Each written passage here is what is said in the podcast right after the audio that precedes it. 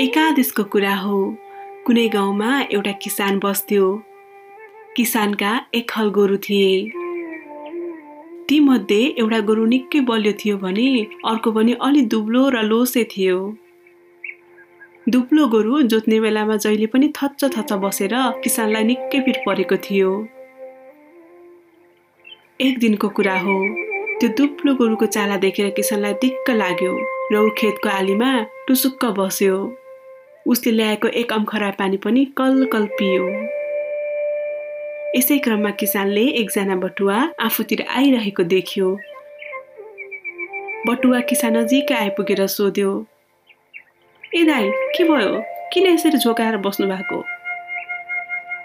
अनि किसानले जवाफ दियो हेर्नुहोस् न भाइ यो गोरुले साह्रै दुःख दियो। अलिकति जोत्यो कि बसिहाल्छ हैरान पारिसक्यो। खै के गर्ने होला? केही उपाय छ भने यसो बताइदिनुहोस् न। ए त्यति जाबो कुरा? त्यतिको लागि पनि के चिन्ता लिइरहनु भएको होला? ल सुन्नुहोस् म एउटा उपाय सिकाइदिन्छु। पाखामा गएर अलिकति कमेरो लिएर आउनुहोस् अनि त्यसलाई पानीमा हालेर घोल्नुहोस्। घोलिसकेपछि गोरुको जिउभरि दल्नुहोस् त्यसपछि तपाईँको गोरु कहिले बस्दैन। किसानले भन्यो ओहो खुब राम्रो उपाय सिकाइदिनु भयो म त्यसै गर्छु।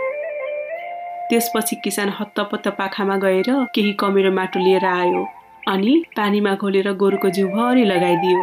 कमेरो दलेपछि गोरु केही बेर बसेन। किसान खुब खुसी भएर मजाले खेत जोत्न थाल्यो। अनि उसले त्यो बटुवालाई भन्यो तपाईँले धेरै राम्रो उपाय सिकाइदिनु भयो भाइ। धेरै धेरै धन्यवाद तपाईँलाई।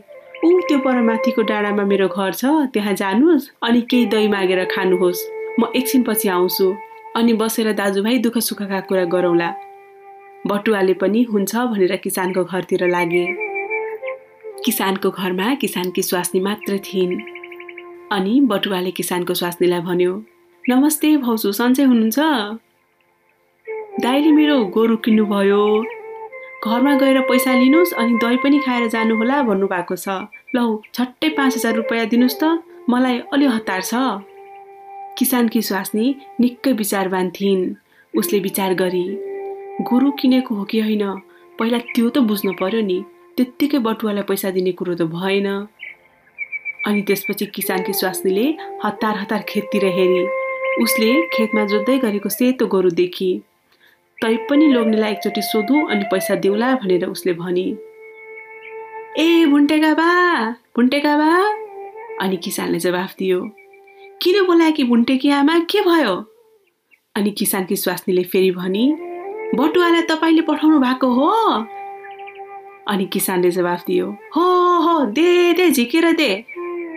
लोग्नेले दे दे भनेको सुनेर स्वास्नीले पनि पहिले बटुवालाई दही खान दिए र त्यसपछि पाँच हजार रुपियाँ निकालेर दिए पैसा पाइसकेपछि बटुवा आफ्नो बाटो लाग्यो। बेलुका पख जब किसान चाहिँ खेतबाट फर्क्यो स्वास्नी चाहिँले सोधी ए भुन्डेका बा। नयाँ गोरु कस्तो रहेछ ह? जोत्दाखेरि बस्छ कि बस्दैन? अनि किसान अचम्म मान्दै भन्छ के भन्छ यो?